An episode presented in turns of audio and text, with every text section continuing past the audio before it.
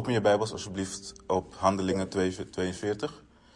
Um, dit is de vierde week dat we in het vers zitten. En um, de laatste keer vandaag ook. Vanaf daar uh, pakken we het weer, uh, weer verder op in Handelingen. Um, voordat we de tekst ingaan, laten we bidden. En dan samen kijken wat de Heer uh, ons wil leren vanochtend. Lieve Vader, dank u wel voor, voor uw woord, Heer. Dank u wel dat u uw woord heeft gegeven, Heer, voor ons om uit te leren, Heer, en om u beter te leren kennen. Heer, ik wil u vandaag vragen om, uh, om ons hart open te stellen, afhankelijk te maken, Heer, voor uh, wat, u, wat u ons wil leren, Heer. Heer, ik bid dat, dat uw woord niet, niet op, in dode, dode grond zal vallen, Heer, maar dat het, dat het vrucht mag dragen, Heer, en dat, dat uw woord levend zal worden in ons dagelijkse leven als christen zijn, Heer. Heer, ik kijk uit naar wat u vandaag zal leren. Heer, wees in ons midden vandaag en hou ons ogen gericht op u. Heer, ik dank u, we houden van u. We loven en prijzen uw naam, in Jezus' naam. Amen. Zoals ik zeg, we zitten nog steeds in uh, Handelingen 242. Um, Handelingen 242 is, uh, is een vers wat ons, um, wat, wat ons leert, wat, ons, um, wat ervoor zorgt dat wij um, dat we blijven bij de dingen die belangrijk zijn voor ons als gemeente, voor ons als kerk. Het beschermt ons ook tegen uh, dingen als uh, onbelangrijke dingen groter maken dan, dan, dan, dat ze zijn. En het houdt ons gefocust op de dingen waar de vroegere kerk ook mee bezig was. De belangrijke dingen waar ze in volharden, namelijk de leer van de apostelen, volharden in de gemeenschap, volharden in het breken van brood en waar we het vandaag over gaan hebben, het volharden in gebed. En als we kijken naar uh, de meeste gemeentes, voornamelijk de westen, westelijke uh, kerk tegenwoordig, um, dan is het triest om te zien, als we dat in vergelijking trekken met de, met de eerste gemeente, met de eerste kerk, wat voor plek gebed in ons leven en in onze samen, samenkomst uh, gekregen heeft.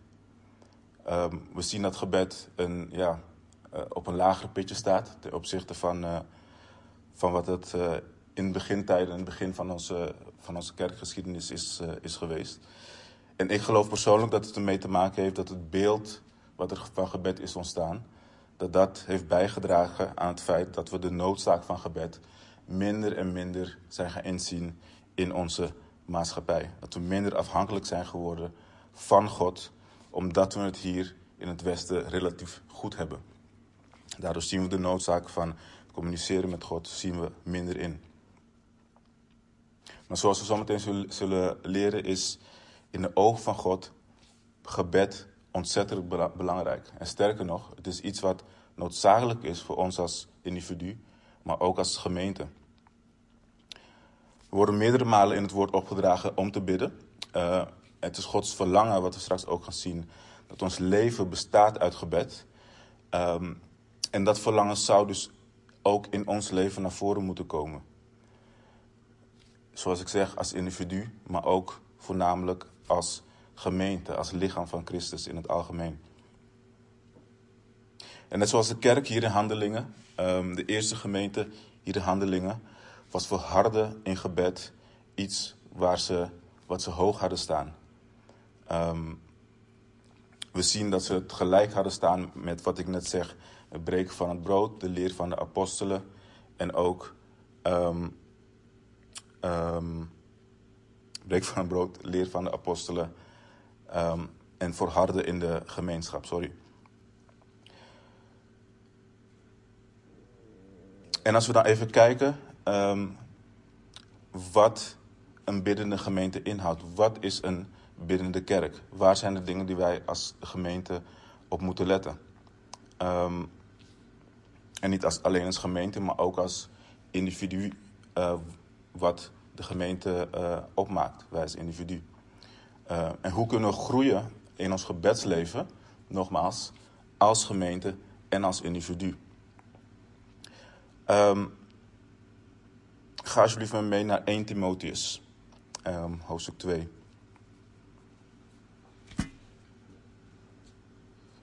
Paulus schrijft naar 1 Timotheus uh, aan Timotheus uh, voor de gemeente in Efeze. Um, en nadat hij uh, zijn groet heeft gedaan, nadat hij Timotheus heeft bemoedigd en nog wat over valse leraren heeft, heeft uitgelegd in hoofdstuk 1, gaat hij, begint hij in hoofdstuk 2 met de opdracht aan Timotheus voor de, voor de gemeente, um, voor het gebedsleven van deze, deze kerk. En we lezen dan in 1 Timotheus hoofdstuk 2 het volgende, vanaf vers 1. Ik roep er dan voor alles toe op dat smekingen, gebeden, voorbeden en dankzeggingen, dankzeggingen gedaan worden voor alle mensen. Voor koningen en alle die hooggeplaatst zijn, opdat wij een rustig en stil leven zullen leiden in alle godsvrucht en waarheid want dat is, uh, want dat is goed en welgevallig in de ogen van God, onze zaligmaker. Die wil dat alle mensen zalig worden en tot kennis van de waarheid komen. Tot zover. Als eerste zien we het volgende, namelijk de urgentie waarmee uh, Paulus um, de eerste opdracht hier uitdeelt. Paulus begint zijn instructie met de woorden voor alles. En dan heeft hij het natuurlijk over het gebed. En dit laat ons zien um, hoe belangrijk, wat voor prioriteit gebed had voor Paulus. Um, en hoe belangrijk het was voor deze gemeente om dat ook als prioriteit te zien. Als we kijken naar het Griekse woord wat, Paulus hier gebruikt voor, voor oproepen, voor roep op, um, betekent het stevig aandringen of smeken of zelfs vermanen. Dus Paulus, hij, hij geeft hier geen suggestie. Hij smeekt, hij dringt er stevig op aan om voor alles te beginnen in gebed. Paulus kende het belang van gebed, uh, net zoals uh, de eerste kerk uh, waar we het in handelingen ehm, over hebben. Um, zag je hoe belangrijk het gebed, en voornamelijk gebed als gemeente, was voor het lichaam van Christus. We lezen bijvoorbeeld ook, ook in handelingen hoe, de, hoe, de, eerste kerk nogmaals volhardde in gebed. Maar als we gaan naar handelingen 6, verder in handelingen, dan zien we ook de prioriteit van gebed nogmaals naar voren komen ehm, in het leven van de, van, van de discipelen. In Handelingen 6, uh, eh, vanaf vers 4, lezen we hoe de Griekse broeders en zusters, uh, in ieder geval de broeders, uh, aangeven dat hun vrouwen onjuist worden behandeld bij het uitdelen van, van de maaltijd. En dat ze hun beklag doen bij de, bij de, um, bij de discipelen. En we lezen in Handelingen 6, uh, even kijken, ik pak hem vanaf vers 1. In die dagen, toen het aantal discipelen steeds toenam, ontstond er een gemor van de Grieks sprekende tegen de Hebreeën, omdat hun weduwen bij de dagelijkse dienstbetoon over het hoofd eh, gezien werden. En de, en de twaalf riepen de menigte van de discipelen bij zich en zeiden: Het is niet behoorlijk dat we nalaten het woord van God te verkondigen om de tafels te dienen. Zie daarvoor uit, broeders, naar zeven mannen uit uw midden van wie men een goed getuigenis heeft, vol van de Heilige Geest en van wijsheid, die wij voor, die wij voor deze noodzakelijke taak zullen aanstellen. Wij echter zullen volharden in het gebed en in de bediening van het woord. Tot zover. We zien hier dat de discipelen het probleem erkenden van, uh, van de Griekse broeders. Uh, we zien ook dat ze het probleem uh, um, belangrijk vonden. Ze vonden dat de bediening die eruit ontstond, dat het een belangrijke bediening was, namelijk het rondbrengen van het, van, het, van het voedsel. Maar we zien ook dat het niet belangrijk genoeg was voor hun om af te wijken van het grotere belang, namelijk het gebed, volharden in het gebed en de bediening van het woord. En dat zou ook in die mate onze prioriteit moeten zijn uh, hier in de kerk in de gemeente, maar ook in ons persoonlijk leven. En ik zeg niet dat we niet meer ehm, met andere dingen bezig moeten zijn. Ik zeg niet dat we allemaal in ons bovenkamer moeten gaan zitten en continu bidden en verwachten dat, dat alles goed komt. Maar het heeft wel mee te maken met wat ik net in het begin zei. Dat we de prioriteiten, de prioriteiten houden. En dat we niet ehm, andere dingen, voorkeuren en andere dingen boven uh, het fundament gaan zetten wat we hier als, als gemeente hebben. Dus prioriteit blijft de prioriteit. Dat is hetgene waar we aan vast horen te houden. En vanuit die basis um, dienen we God en de mensen om ons heen. En nogmaals, we zien hier dus dat, dat gebed um, ja, een van de hoogste prioriteiten had in de eerste, eerste gemeente, in de, in, de, eerste kerk en ook bij de discipelen. We zien ook in Gods woord dat um, Gods grootste doel, een van de grootste doelen uh, van God voor zijn kerk, is dat het huis van God, de kerk, de gemeente, een plaats van gebed is. Of een plaats van gebed hoort te zijn. Als we lezen in eh, Marcus hoofdstuk 11, um, dan beschrijft Jezus de tempel als een huis van gebed van God, voor God, voor alle naties. Marcus 11, vers 17. En we lezen hier, uh, Jezus heeft hier net alle, alle, alle handelaren um, de, de, de, tempel uit, uitgedreven door tafels omver te gooien en stoelen omver te gooien. En nadat hij dat heeft gedaan, nadat hij de tempel heeft schoongemaakt van, uh, van alle ontuchtplegers, dan lezen we in uh, vers 17 van Marcus 11 het volgende. En hij gaf onderwijs en zei tegen hen, staat er niet geschreven, mijn huis zal een huis van gebed genoemd worden voor alle volken. Maar u hebt er een rovershol van gemaakt. De tempel van God door Jezus gekenmerkt als een plaats van gebed. En als dat zo is, laten we dan even kijken naar wat, wat, wat Paulus schrijft in 1 Korinthe hoofdstuk 3. We leren in 1 Korinthe hoofdstuk 3, vers 16 het volgende. Weet u, uh, even kijken. Weet u nu, weet u niet dat u Gods tempel bent en dat de geest van God in u woont? En verder in 1 Korinthe, um, hoofdstuk 16, vers 19. Lees we het volgende. Of weet u niet dat uw lichaam een tempel is van de Heilige Geest die in u is en, u, en dat u en die u van God hebt ontvangen en dat u niet van uzelf bent.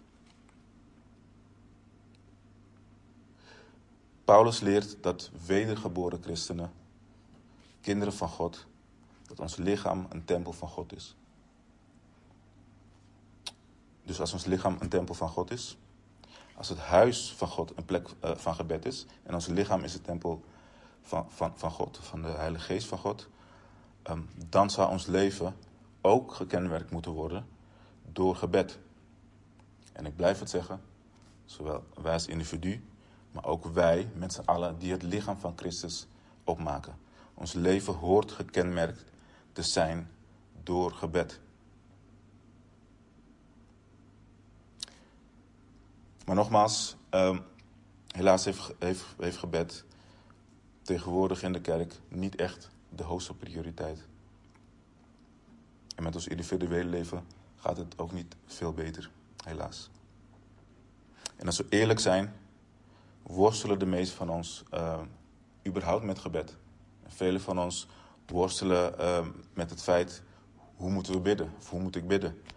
Um, of nog, uh, nog erger, um, velen van ons werk, worstelen met het feit dat we de tijd niet vrij kunnen maken. Of we moeten hebben met tijd indelen voor, voor gebed. En dan is de vraag, hoe, hoe, hoe gaan we daarmee om? Hoe gaan we daar als gemeente mee om? Hoe gaan we daar als, als, als persoon mee om? En laten we eerst even kijken naar het praktische gedeelte. Hoe kunnen we, de, hoe kunnen we prioriteit geven aan zowel gezamenlijk als individueel ons gebedsleven um, um, um, in te vullen? En ik heb drie handvaten daarvoor. Eerste, we geven prioriteit aan gebed door ten alle tijden voor alles te bidden. Klinkt simpel. Kan het ook zijn, maar dat is het niet altijd.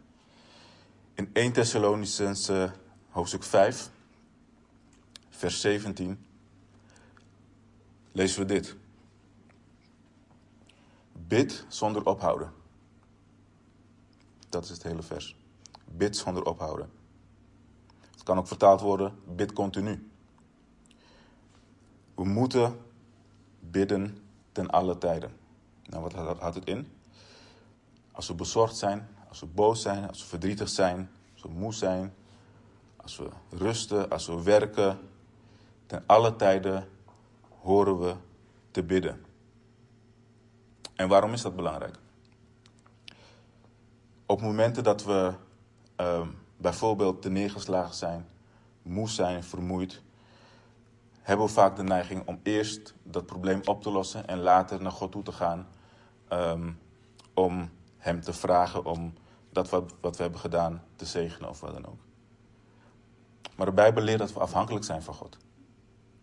Dus we horen er een gewoonte van te maken um, dat we bij iedere stap die we zetten, bij alles wat we doen, ten alle tijden met God praten. We bouwen daardoor een afhankelijkheid uh, op uh, van God en we zien ook Gods hand meer en meer in de dingen die we doen. Als we dat niet doen, dan varen we eigenlijk onze eigen koers. Doen wat wij willen. En dat is dus ook hoe we vaak in de problemen komen. God is genadig om ons, als we ervan bekeren, weer eruit te helpen. Maar nogmaals, we moeten er een gewoonte van maken om God bij alles te betrekken wat we doen. Daardoor hoeven we niet te rekenen op ons eigen beperkte inzicht, beperkte kennis en emoties die alle kanten op gaan. Eén.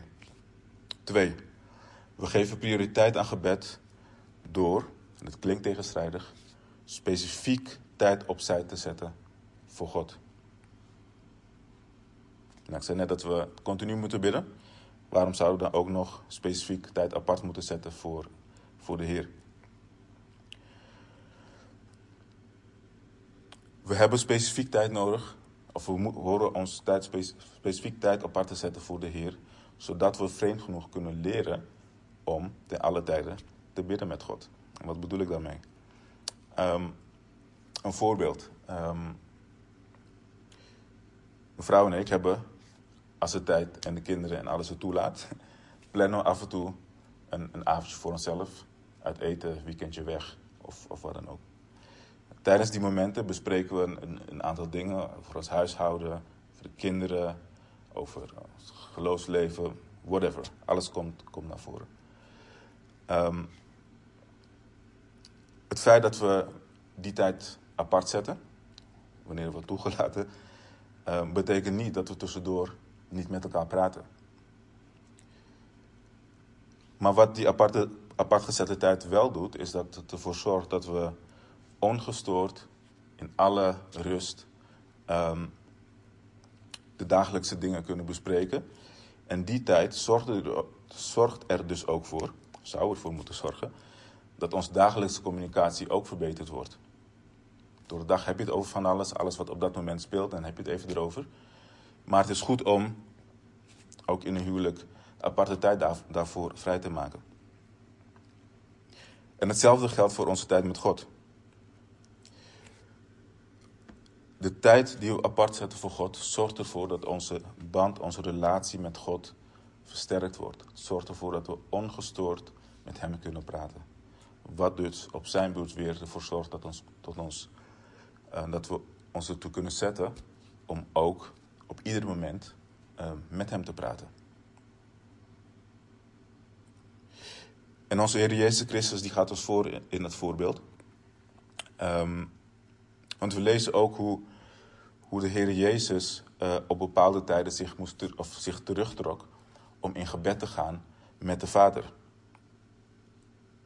Als we lezen in Marcus, uh, even kijken, zeg ik het goed? Ja, Marcus hoofdstuk 1, vers 35, dan lezen we het volgende. En s'morgens vroeg, nog diep in de nacht, stond hij, dat is Jezus, op, ging naar buiten, begaf zich naar een eenzame plaats en bad daar. Marcus 1, vers 35. En ook in Lucas hoofdstuk 6, vers 12 lezen we. Uh, het gebeurde in, in die dagen dat hij naar buiten ging, naar de berg om te bidden. En hij bleef, uh, en hij bleef heel de nacht in gebed tot God. Lucas 6, vers 12. En nogmaals in uh, Marcus 6, ik had hem beter hiervoor kunnen doen, want we hoeven niet 6 om te slaan. Marcus 6, vers 46. En toen hij ehm, afscheid van hen uh, genomen had, ging hij naar de berg om te bidden. Marcus 6, vers 46. Dus nogmaals, we zien ook hoe de Heer Jezus, hoewel continu in contact met de Vader, toch moment nam om in alle stilte te communiceren met de Vader. En nogmaals, dat horen wij ook te doen. We horen continu in gesprek te zijn met God. Maar wanneer je je vaste tijd vrijhoudt voor God, kun je volledig je aandacht en toewijding op Hem richten en met Hem praten. En een intieme band verbeteren die we met Hem hebben of horen te hebben.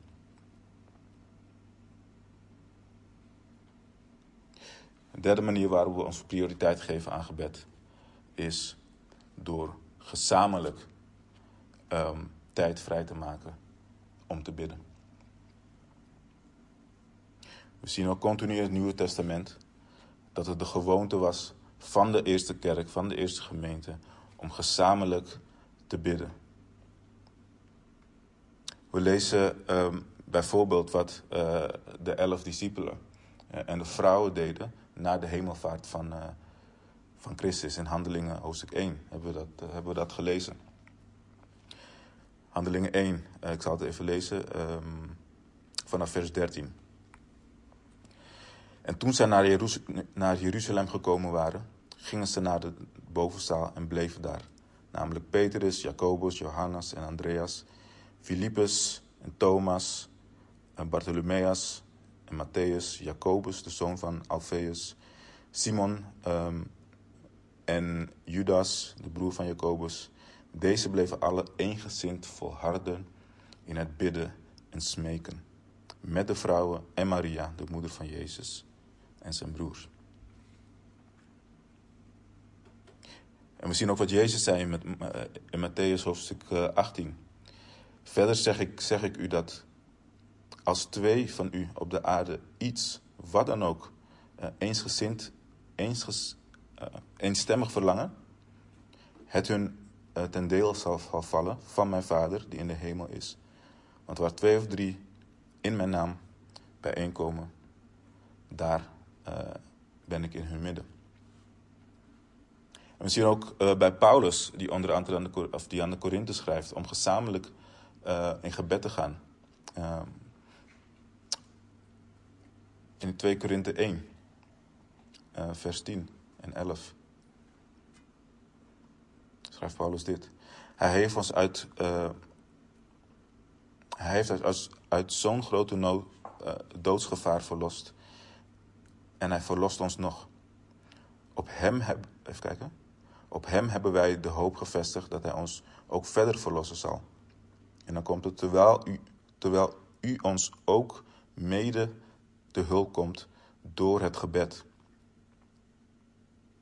Dus Paulus erkent hier ook de kracht van het gezamenlijke, gezamenlijke gebed. En nog één voorbeeld om het eh, punt duidelijk te maken. In handelingen um, toen Petrus gevangen eh, genomen werd, um, lezen we ook, of kunnen ook lezen dat de hele gemeente voor hem aan het bidden was.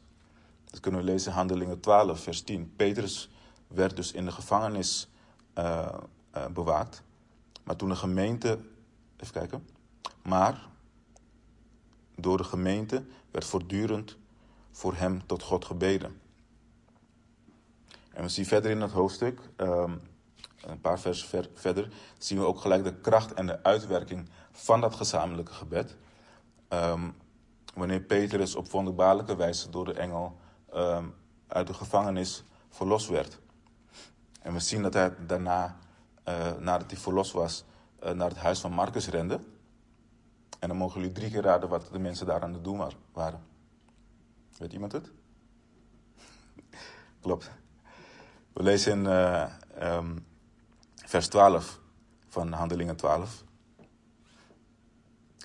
En toen, uh, toen dit tot hem doorgedrongen was, tot uh, hem, dat is, dat is Petrus, ging hij naar het huis van Maria, de moeder van Johannes, die ook Marcus genoemd werd, waar velen bijeen waren en baden. Dus we zien dat er een enorme, enorme kracht is in het gezamenlijk gebed. Um, en wij hebben bijvoorbeeld hier iedere ochtend voordat we de, de, de, de dag beginnen, um, nemen wij hier tijd voor gebed. Voor de mensen die, uh, die, die, die, eerder zijn, um, weten dat we de dienst nooit beginnen zonder gezamenlijk uh, te, te bidden. Um, en hoe meer we in het woord gaan, en nu hebben we het weer over gebed, hoe meer we beseffen hoe belangrijk dat is. Vandaar dat we sinds vorige week ook hebben opgeroepen om dat nog breder, te dragen binnen de gemeente. Volgens mij June uitnodiging gestuurd om uh, vanaf kwart voor tien gezamenlijk te bidden met nog meer mensen voordat de dienst begint, zodat we de dienst aan de Heer mogen opdragen. Het is belangrijk uh, ik vind het tenminste belangrijk dat we dat, dat we dat doen en dat we ook dat gezamenlijk doen, zodat we, zodat we uh, ons ogen altijd op de Heer gericht kunnen houden. Ook voor de dienst, dat het niet om ons gaat draaien, dat het niet draait om degene die, die, die spreekt of wat dan ook, maar dat het altijd draait om God. Dat is waarom we iedere ochtend uh, ook voor bidden. Bijvoorbeeld de, de, de, de, sorry, de dinsdagavonden uh, hebben we ook als vaste tijd ingesteld om via Skype deel te nemen aan het gezamenlijke gebed. En iedereen is vrij om, om daar een deel te nemen. En zoals ook eerder vaker gezegd is, um, of je erbij bent of niet, bepaalt niet je mate van volwassenheid in je geloof. Maar, ook zoals al vaker is gezegd, als je er niet bij bent of bij kan zijn, laten we wel met z'n allen ons hart toetsen uh, uh, om de reden waarom we er niet bij kunnen zijn.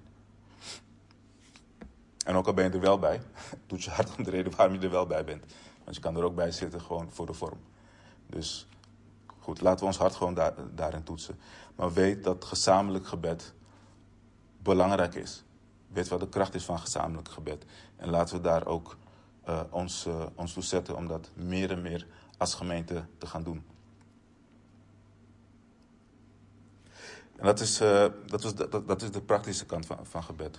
Um, hoe kunnen we, um, en nogmaals, um, prioriteit van gebed, de prioriteit van gebed in ons leven, leven verhogen. ik zeg continu bidden, uh, vaste tijden persoonlijk, maar ook vaste tijden als, als gemeente. En we hebben ook even gekeken naar waarom dat belangrijk is. Maar dan komt het tweede punt waar we het net over hadden, is en waar mensen tegenaan lopen, is wat of hoe of waarvoor horen we, horen we moeten we, mogen we bidden? Dat is een vraag die ik vaak, vaak hoor van zowel jonggelovigen als uh, wat, wat volwassenere mensen. Um, omdat er heel veel. Um, iedereen vindt wel iets van hoe we moeten bidden. Of wat we moeten bidden. Of ja, waarvoor je juist niet mag bidden. Maar laten we kijken wat, uh, wat we uit het woord kunnen halen. Over uh, hoe we, of wat we horen te bidden. Laten we weer even teruggaan naar 1 Timotheus hoofdstuk 2. En laten we dat even aanhouden. Um, om te zien wat Paulus de gemeente daar, um, uh, daar vertelt. Hij geeft daar de gemeente een richtlijn over over het gebedsleven van, uh, van die gemeente. In Timotheus hoofdstuk 2. Paulus begint daar en hij zegt daar dat smekingen, gebeden, um, voorbeden en dankzegging, dankzeggingen gedaan moeten worden um, door en voor de mensen. En dit zijn ter termen die we vaker tegenkomen. De gebedstermen die we vaker komen, tegenkomen in, in de Bijbel. Laten we even inzoomen en kijken wat, wat die termen precies inhouden, zodat we ook inhoudelijk kunnen kijken naar hoe ons gebedsleven uh, invulling uh, kan hebben. Als eerste noemt uh, Paulus ehm, ehm, smekingen. Um, en dit is een vorm van gebed wat, wat, heel vaak tegen, wat we heel vaak tegenkomen in de Bijbel. Um, smekingen, ook wel vertaald als smeekbeden, um, is, um, is, is, is een vorm van vragend bidden. Als we kijken naar het, het, het Grieks woord wat, wat Paulus hier uh, gebruikt, wat ik niet eens ga uitspreken. Maar het woord wat, wat Paulus hier gebruikt voor smekingen, uh, wordt vertaald als uh, de inhoud is, dat, is dat, dat men God vraagt om te voorzien in, in bepaalde behoeften. Um, dit soort ge gebeden kom, komen, vaak uit een, komen vaak voort uit een, een, een, een ja, gevoel van, van, van, van, van nood, van verlangen, uh, behoefte ergens voor of wat dan ook. Um, en het is gericht natuurlijk om God ding, iets te vragen. En de Bijbel, wat ik zeg, spreekt vaker over dit, uh, deze vorm van gebed. Um, en de Bijbel leert ons op verschillende plekken dat we inderdaad dingen mogen vragen aan God. We mogen dingen vragen aan de Heer. Um, bijvoorbeeld in Filippenzen 4, vers 6 lezen we: Wees in geen ding bezorgd, maar laat uw verlangen in alles door bidden en smeken met dankzegging bekend worden bij God. We zien door de Bijbel heen zien we, zien we een aantal voorbeelden uh, hiervan. Dat, uh, dat, dat mensen dit, uh, dit doen. We zien bijvoorbeeld bij in het Oude Testament gezien hoe Hanna um, smeekt bij God um, om een zoon en dat er gebeden verhoord worden. En ook in, bij, weet je, Hezekiah, Hezekiah, Hezekiah. Ja, hoe hij um, van God te horen krijgt na zoveel jaren trouwe dienst. Dat zijn lever bijna op zit. Maar dat hij zijn, zijn, zijn verlangen naar God uit om toch nog een aantal jaar door te leven. En dat God zijn verlangen ook, uh, ook verhoort. En ook dat verhoren hoor, lezen we in, in de Bijbel. Um, dat lezen we onder andere in Marcus 11, vers 24. Daarom zeg ik u, alles wat u bidt, wat, wat u biddend begeert, geloof dat u het ontvangen zult en het zal u ten dele vallen. En ook in de psalmen lezen we, psalm 37, vers 4. Schep uw vreugde in de Heer, dan zal, hij u dan zal Hij u geven wat uw hart verlangt. Dus de Bijbel spreekt, wel degelijk over, uh, of, ja, wel degelijk over smeekbeden, verlangen bidden. Um, en we hebben ook de belofte dat God onze gebeden verhoort. Maar, is dit het hele verhaal? Nee. Nee, het is niet het hele verhaal. Maar vaak is dit wel de plek waar mensen ophouden. Um, met het vertellen over, en zeker als het gaat over gebed en over uh, vragend bidden.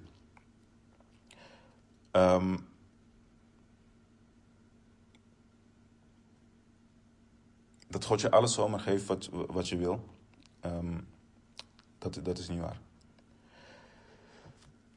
Maar het is wel het beeld wat, wat, wat geschept is um, over het algemeen, over wat, wat, wat gebed is. En doordat dat beeld geschept is, um, zien we dus ook dat mensen gebed dusdanig gaan inzetten. Dat ze in gebed alles gaan vragen, maar ook verwachten dat God maar alles doet wat ze willen wat we willen. Het bij onszelf te houden. Um, een van de meest bekende versen, uh, als het gaat over gebed, is Matthäus 7, vers 7. Ik denk dat iedereen die wel kent, als het opnoemt. Bid en u zal gegeven worden. Dat is iets wat je vaak hoort, terug hoort van broeders en zusters, maar ook um, mensen vanuit de wereld. Bid en u zult ontvangen.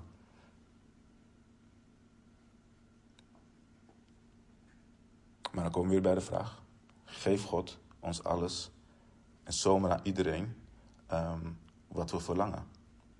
Nee, en gelukkig niet. Want in tegenstelling tot wat, wat, wat, wat sommigen kunnen denken, stelt God wel degelijk voorwaarden aan gebed en specifiek aan het verhoren van gebed.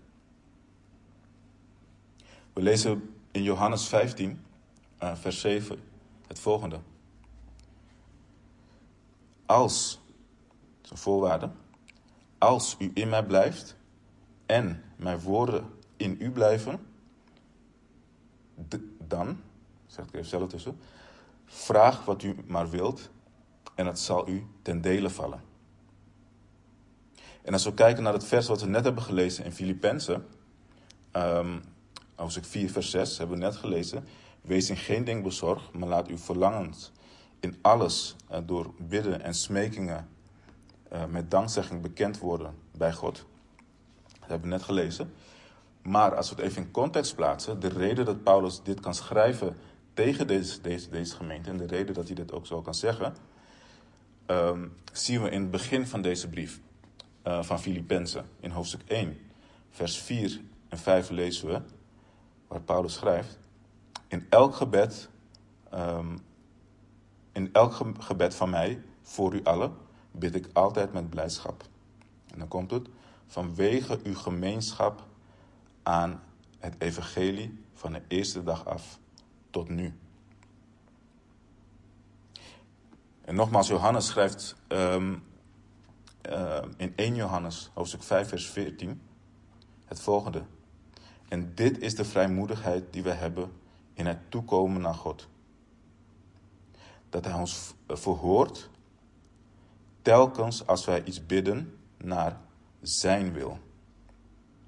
Dus nogmaals, er zijn mensen die dit, die dit niet fijn vinden om te horen. Um, er zijn mensen die dit zelfs oneerlijk vinden om te horen. Maar we moeten nooit en nooit de illusie hebben dat God voor ons aan het werk is. Wij zijn degenen die uit genade Gods werk hier op aarde mogen uitvoeren. En het zijn de werken die Hij bepaalt die wij mogen uitvoeren. En daarin mogen we tot Hem naderen in gebed en vragen wat we nodig hebben om Zijn doel te bevorderen. En als we dat doen, zal Hij ervoor zorgen dat, we, dat, dat ons aan niks zal ontbreken. Dat we alles nodig, eh, dat we alles krijgen wat we nodig hebben.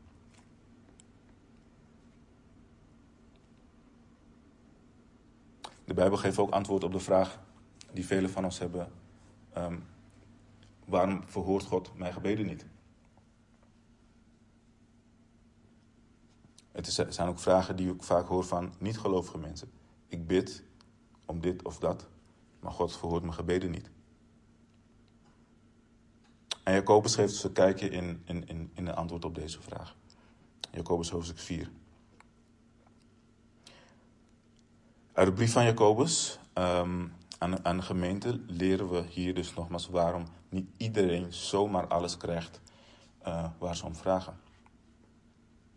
Jacobus hoofdstuk 4 eh, vanaf vers 2 zegt hij, u verlangt naar iets en krijgt het niet. U, benijdt, u benijdt anderen, beijvert u om dingen te bemachtigen en u kunt ze niet krijgen. U maakt ruzie en voert strijd, maar u krijgt niet. U krijgt niet omdat u niet, niet bidt. U bidt wel, maar u ontvangt niet omdat u verkeerd bidt. Met het doel in uw hartstochten, uh, met, uw doel, met het doel het in uw hartstochten te, te, uh, te brengen. En jammer genoeg is dit precies de manier waarop sommigen vandaag de dag nog steeds bidden. Niet vanuit noodzaak, maar vanuit hebzucht, vanuit eigen belang. En dan denk je misschien, nee, ik, ik niet. Ik vraag God niet om geweldige dingen. Ik vraag God niet om rijk te worden. Ik vraag God alleen om misschien een 10 euro extra per maand of wat dan ook. Vul het maar voor jezelf in. Dat kan, kan ik niet overdelen uh, of overoordelen. Maar houd wel, uh, uh, kan je voor jezelf bepalen, in gedachten wat we in spreuken 16 leren. Spreuk 16 vers 2 staat... In eigen ogen zijn al iemands wegen zuiver, maar de Heere toetst de geest. Dus broeders en zussen, dit, dit is geen ontmoediging, maar laat het een bemoediging zijn. We hebben hier namelijk wel de belofte van de levende God. Dat wanneer we in, in Hem zijn, wanneer, uh, kunnen we ons verlangen bekendmaken aan, aan Hem. En Hij zal ze ook uh, horen. Want we hebben de belofte dat wanneer we in Hem zijn en wanneer we uh, ook in Zijn woord zijn, dat Hij ons verlangens um, en ons, um, ja, ons verlangens, ons gebeden zal, zal verhoren. En op het moment dat we in, in, relatie met Hem zijn, wanneer we um, um, een band met Hem hebben, dan zullen ons verlangens ook in lijn zijn met Zijn wil.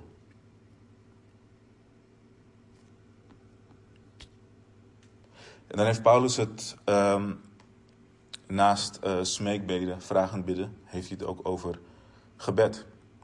Dat is het tweede waar hij, uh, waar hij aandacht aan besteedt. Gebed, bidden. Um, het woord voor gebed, uh, wat, wat, hier gebruikt is, is een, is een meer uh, een algemeen woord voor, voor bidden. Um, en dat um, bevat dingen zoals onze, zorgen uit, ons verdriet uiten. sommige mensen, ja, ik kan niet zeggen boosheid, maar wel ons onbegrip uiten en uitschreeuwen naar God. Maar hier vallen ook dingen als bijvoorbeeld aanbidding onder. onder het algemene gebed waar waar Paulus het hier over heeft. Um, en bij aanbidding um, nemen we de tijd om God te prijzen voor wie Hij is, voor wat Hij heeft gedaan, voor Zijn heiligheid. En erkennen we um, al de dingen die God is. We zien ook in het voorbeeldgebed wat, wat, wat Jezus geeft, dat het begint en eindigt met. Sorry, pardon. Begint en eindigt met, met aanbidding. Ons Vader in de hemel. Uw naam worden geheiligd. Uw, naam worden geheiligd. En we zien dat het ook eindigt met aanbidding. Dus de Heer geeft ons hier ook um, een voorbeeld van dat we in gebed um, God moeten erkennen en eren voor wie Hij is. En vaak als we het over aanbidding hebben, wordt er automatisch en ook terecht gedacht aan, aan muziekaanbidding. Um, vanmorgen hebben we ook gezien dat muziek een vorm is van aanbidding uh, die we aan de Heer, uh, uh, die we naar de Heer mogen doen. Um, maar het is natuurlijk niet de enige of de manier voor aanbidding. Als we kijken wat de Heer Jezus vertelt in, in, in Johannes hoofdstuk 4, vers 23 um, waar hij tegen de vrouw spreekt, daar staat: Maar de tijd komt, en is er nu, dat de ware aanbidding, uh, dat de ware aanbidders de Vader zullen aanbidden in geest en waarheid. En het Griekse woord wat we hier voor aanbidding zien, ga ik ook niet uitspreken. Of, ik ga het maar voor degene toch willen weten.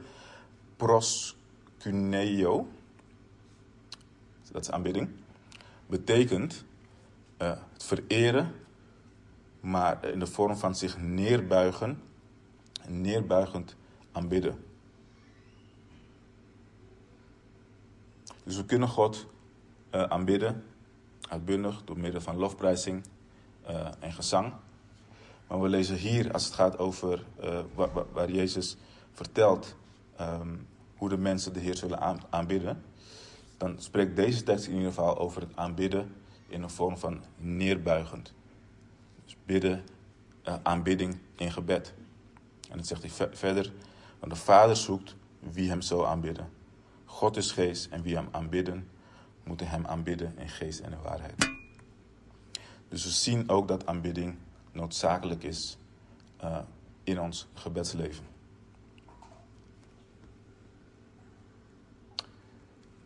En dan heeft, uh, noemt Paulus nog, nog twee andere vormen. Ik zal, zal er iets sneller doorheen gaan willen van de tijd. Um, hij heeft het nog over voorbeden. Dat de gemeente voorbeden moet doen. Um, en voorbeden is ook een vorm van gebed, wat we vaker voor, uh, voorzien komen in, uh, in de Bijbel. Um, en voorbeden verwijst naar, naar verzoeken die we namens andere broeders en zusters uh, doen. Ehm, en voorbeden is niet alleen een vorm van, van, van, van hoe noem je dat? Ehm, eh, pleitbezorging, maar het, het, toont ook ons empathie, ons sympathie, ons uh, medeleven en betrokkenheid bij onze broeders en zusters. En we horen daarom ook bezig te zijn met de. Nee, laat het goed zeggen. We horen betrokken te zijn uh, bij het leven van onze medebroeders en zusters. In de positieve zin van het woord, niet uit nieuwsgierigheid of om te roddelen, uh, maar wel betrokken te zijn zodat we ook elkaar kunnen en mogen gedragen, uh, dragen in gebed. En bij voorbeden zien we dus ook weer het belang van gemeenschap, waar de eerste kerk ook uh, in volhardde.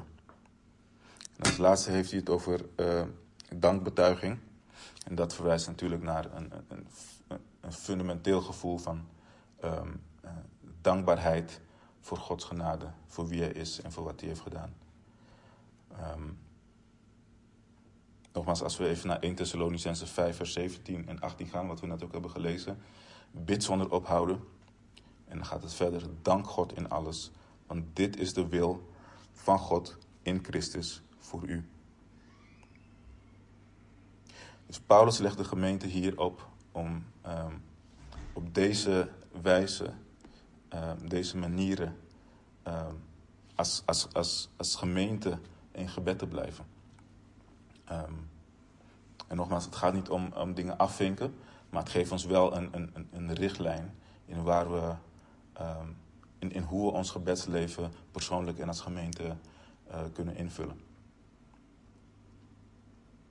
We zien dat we in, in, in, gebed stemmen we ons leven af op de wil van God. En wanneer, we ons, uh, en wanneer ons verlangen in lijn is met zijn wil, kunnen we er nogmaals op vertrouwen dat onze gebeden zullen worden verhoord. Maar, wat ik net ook zeg, onthoud altijd um, dat het allemaal ter eer en glorie is uh, voor de voorgang van zijn koninkrijk.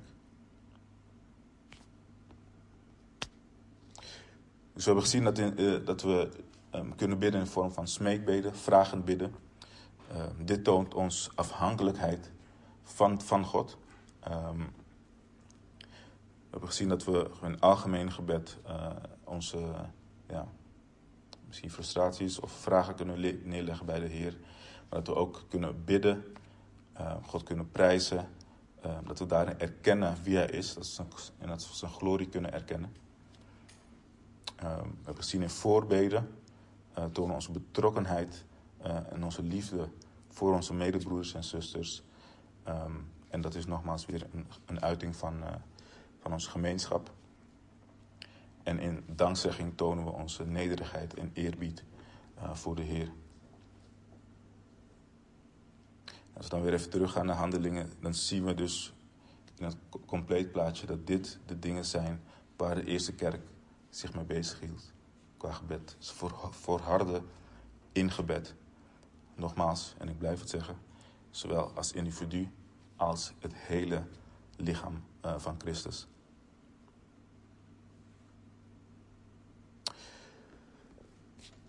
Nou, we hebben een aantal dingen besproken. En dit moet wel gezegd worden, dit is maar het, het, het tipje van de sluier, als ik zo mag zeggen, over wat gebed allemaal inhoudt. Um, we hebben even naar een praktische, praktische gedeelte gekeken. Um, um, naar hoe we de prioriteit van, van gebed kunnen verhogen. Als, uh, als, als gemeente en voor onszelf. Gekeken naar de invulling van gebed. Uh, hoe we dat kunnen invoelen. Um, maar als ik even mag, mag, spreken naar wat, wat, wat mijn verlangen is, wat mijn hoop is, ook is voor voor de gemeente, voor deze gemeente, maar voor um, het lichaam van Christus in zijn algeheel, hoop ik en bid ik dat wij met z'n allen meer en meer boven alles een biddende gemeente zullen worden. Um, dat we het belang van het gebed uh, meer en meer gaan inzien. dat we blijven bidden, want zonder gebed, wat ik eerder ook zeg, zullen we als gemeente ons eigen koers gaan varen. Zonder gebed opereren vanuit uh, uh, vanuit zijn, eigen, uh, vanuit zijn eigen kunnen, onafhankelijk van God. En dan gaan we allemaal dingen doen die niet in lijn zijn met zijn wil. En dat is niet wat God voor zijn gemeente wil. Dat is niet wat God voor zijn lichaam wil. En dat is ook niet iets wat wij als lichaam van God willen, of in ieder geval zouden moeten willen. Dus nogmaals, laten we continu in gebed blijven. Laten we bij alles wat we doen in de gemeente um, te raden gaan bij God.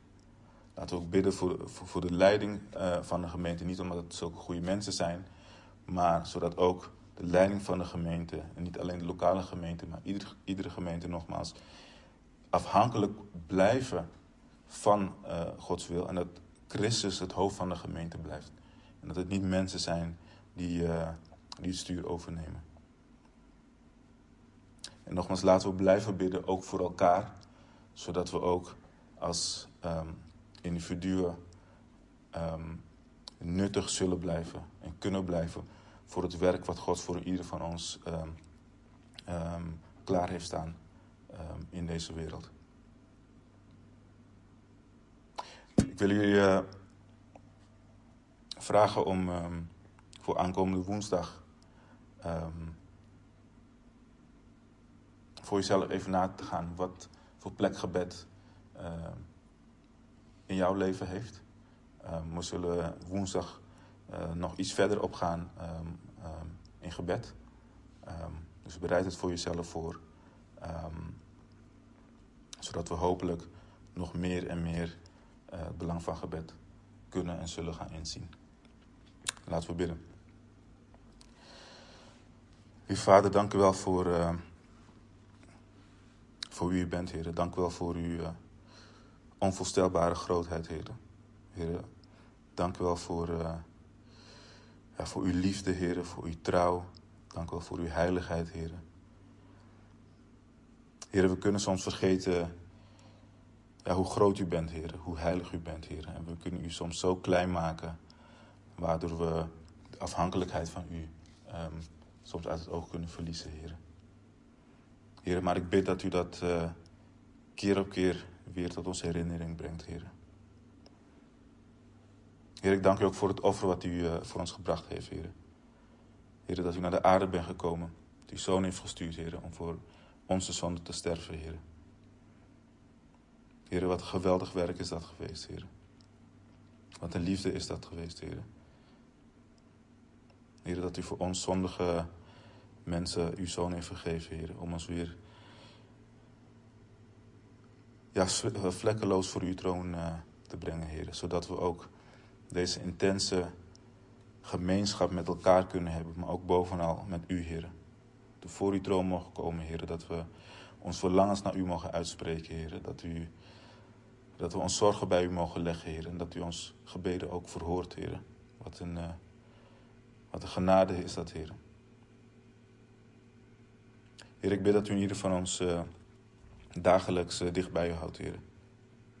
Heer, ik bid dat u ons de kracht en de overtuiging geeft, Heer, dat we afhankelijk van u zijn, Heer. Dat we afhankelijk van u blijven, Heer. Heer, ik bid dat we meer en meer zullen inzien dat, ja, hoe belangrijk onze relatie met u is, Heer. En dat we vanuit onszelf niks kunnen. En dat degene wat we doen, Heer, dat het 9 van de 10 keer eindigt in, uh, ja, in de problemen, Heer. Heer, ik uh, hoop ook dat, uh, dat het woord dat we vandaag hebben gelezen, dat het, uh, ja, dat gaat leven in ons harten, Heer.